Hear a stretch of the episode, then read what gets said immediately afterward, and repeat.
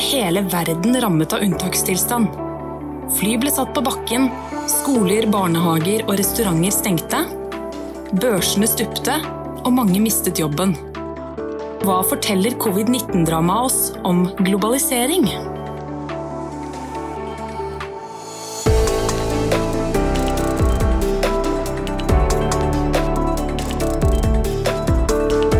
Du hører på podkastutgaven av Hvor hender det? Jeg heter Therese Leine. Jeg hadde nettopp vært i Irland eh, på et akademisk besøk. Jeg hadde holdt en forelesning, spist middag med noen kolleger, eh, hatt et seminar neste dag, og så hadde vi lunsj. Og da satt vi og spøkte litt om at dette kanskje var siste gang for lenge at vi kunne sitte på den måten og, og, og spise lunsj og, og, og sludre om ting vi holdt på med. Thomas Hylland Eriksen er forfatter og professor i sosialantropologi ved Universitetet i Oslo. Det viste seg at han og kollegene hadde rett. Norge ble stengt dagen etter lunsjen, og de fikk bare noen timer på seg til å hente tingene sine på kontoret. Thomas ble satt to uker i karantene fordi han hadde vært i utlandet. Og da forsto vi at det var alvor. eh, At dette her var en, eh, en situasjon som minnet om en eh, krigssituasjon. Og vi har aldri opplevd noe lignende i vår levetid. Det er en verdenshistorisk begivenhet vi står midt oppi. Det har vært noen spesielle måneder. Skolene har vært stengt, de fleste har hatt hjemmekontor. Hvordan har korona påvirka ditt liv? Eh, Jeg er selvfølgelig i likhet med nesten 8 milliarder mennesker i verden blitt påvirket av, eh, av koronapandemien, men kanskje i mindre grad enn veldig mange andre. Fordi eh, altså, jeg jobber på universitetet. Eh, Jeg har voksne barn, så jeg har ikke hatt den problematikken som mange har hatt med hensyn til skole, barnehage, hjemmeundervisning, den type ting. Men man blir jo påvirket. Man kommer ikke ut blant folk. Eh, Du skal holde et foredrag som blir avlyst. Du skal på en konsert som har blitt avlyst. Du hadde tenkt deg på kino eller teater.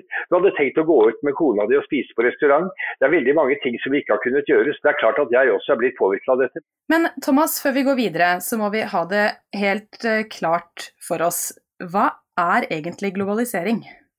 Ja, Det er et stort spørsmål, vet du. og det har vært skrevet mange bøker om det. Men la oss si det sånn at eh, globaliseringen det er alle typer av prosesser som bidrar til å gjøre verden til ett sted. Altså som forbinder ulike deler av verden på måter som gjør dem gjensidig avhengig av hverandre. Globaliseringen har en viktig økonomisk side. Og det er da la oss si, alt fra måte, eksport av jernmalm fra Australia til Kina, eh, til eksport av eh, tresko fra Nederland til USA eller eksport av elektroniske duppeditter fra Japan til resten av verden. Altså den sammenvevingen av verdensøkonomien som vi ser på alle plan. Men den har også en politisk side. FN-systemet, som forsøker å være en slags verdensregjering, som skal forsøke å løse problemer som enhver stat ikke kan løse alene. Alle mulige typer av internasjonale organisasjoner, fra miljøorganisasjoner til uh, vaksineprogrammer osv. Som, eh, som også behandler verden som, eh, som ett sted. Og selvfølgelig alt som har å gjøre med klimakrisen er jo også et uttrykk for globalisering, fordi vi alle er i samme båt. Og den har en kulturell side, selvfølgelig. I og med at uh, veldig mange mennesker nå ser på mange av de samme amerikanske TV-seriene. Og du kan reise til Ny-Guinea, langt oppe i høylandet der har folk uh, hørt noe av den samme musikken som du kanskje selv hører på. Så globaliseringen bidrar til å krympe verden. Den knytter oss sammen. Og den skaper en, en situasjon hvor det er en, sånn usynlig vev. En, du kan nesten tenke deg som global spindel, et globalt spindelvev av millioner av usynlige tråder som binder oss sammen og forbinder alle mennesker over hele verden. Er det positivt eller negativt at vi er så sammenvevd? Ja, Det er et vanskelig spørsmål, det også selvfølgelig, og, men det er et veldig godt spørsmål. For det er viktig å, å tenke gjennom det. Fordi globaliseringen, i likhet med det meste av det vi driver med, har jo noen gode sider og noen dårlige sider. Uh, og Det har vært positivt i den forstand at globalisering, særlig på det økonomiske området, har ført til en enorm økonomisk vekst. En enorm vekst i varehandel. Så Bare på de siste 40 årene så er varehandelen i verden blitt firedoblet. Uh, transportkostnadene er gått ned, og vi har mye mer med hverandre å gjøre. Men uh, i tillegg uh, så må det også sies at nettopp denne sammenvevingen skaper en stor sårbarhet, fordi vi blir så avhengig av hverandre. Og vi har jo lært nå de siste månedene både at liten tue kan velte stort lass, som vi sier på norsk, uh, men, men også at en kjede aldri er sterkere enn det svakeste ledd. Så når noe stopper opp i denne globale flyten, hvor alt skal være så effektivt og alt skal fungere så knirkefritt, så stopper veldig mye annet også opp som et resultat. Eh, personlig mener jeg at det mest positive med globaliseringen er den kulturelle globaliseringen. Den som gjør at vi kan ha en global samtale, både over nettet og på andre måter, om viktige utfordringer som hele menneskeheten står overfor.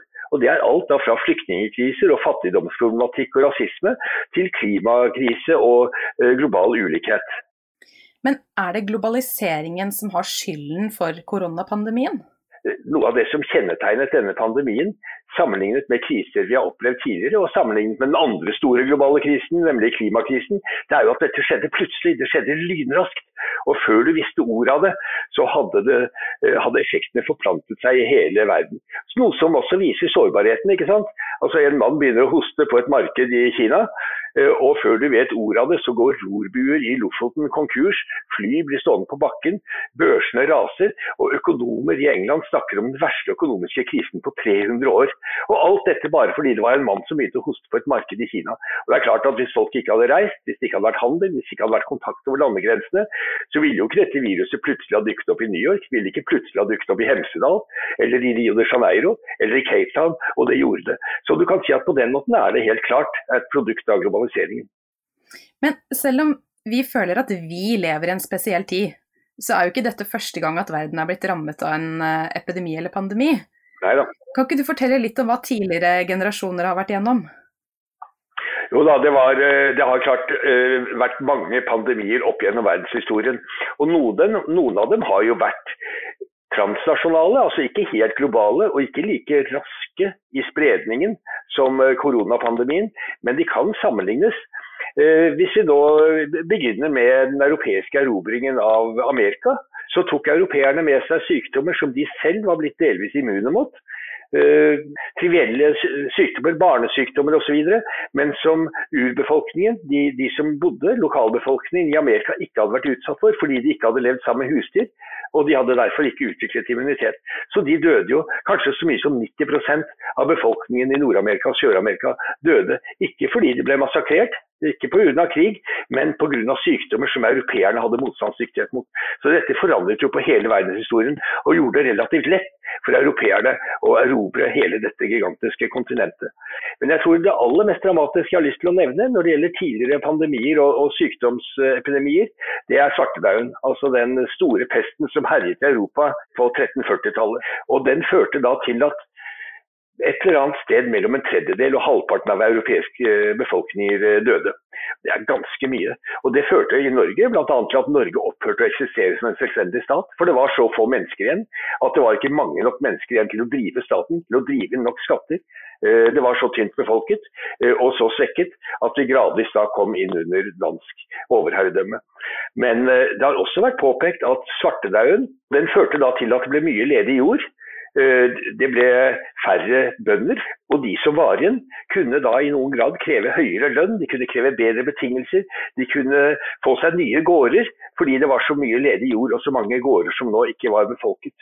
Men det jeg forsøker å si er altså at sykdom har spilt en viktig rolle i verdenshistorien, eh, og det kommer sannsynligvis til å skje denne gangen også. Ja, Hvis vi skal spå framtiden litt, hva, hva tror du vi kan vente oss i kjølvannet av koronapandemien? Vi kan vente oss veldig mange ting, tror jeg. Eh, og litt avhengig av hva man ser etter.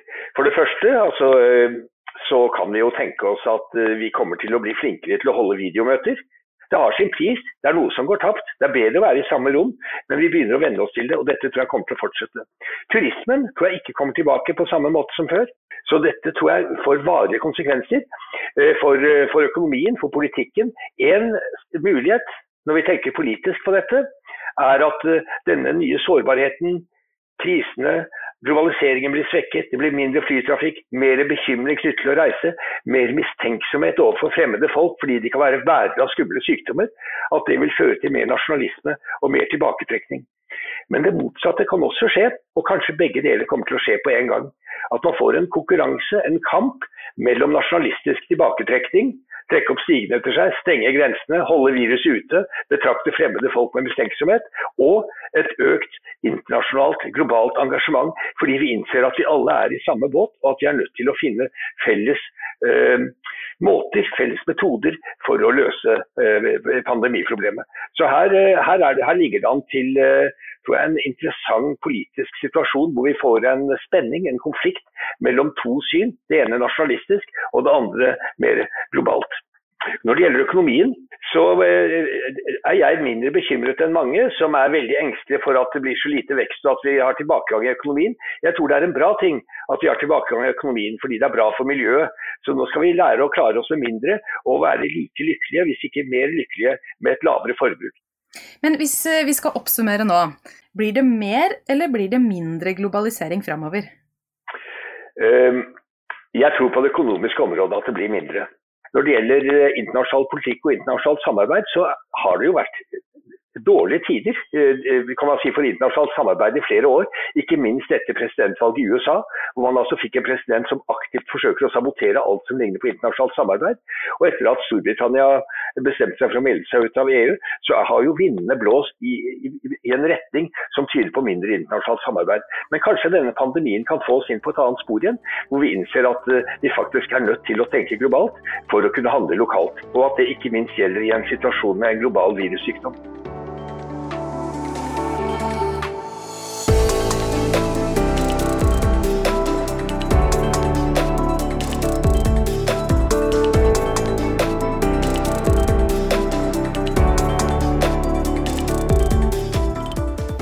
Var første gangen vi lagde podkast av Hvor hender det?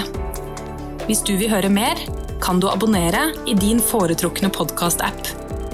Søk på Nupi podkast, så finner du oss. Alle Hvor hender det-artiklene kan du lese på nupi.no. slash skole. Likte du det du hørte, eller ikke? Kom gjerne med innspill. Du kan kontakte oss på skole at nupi.no.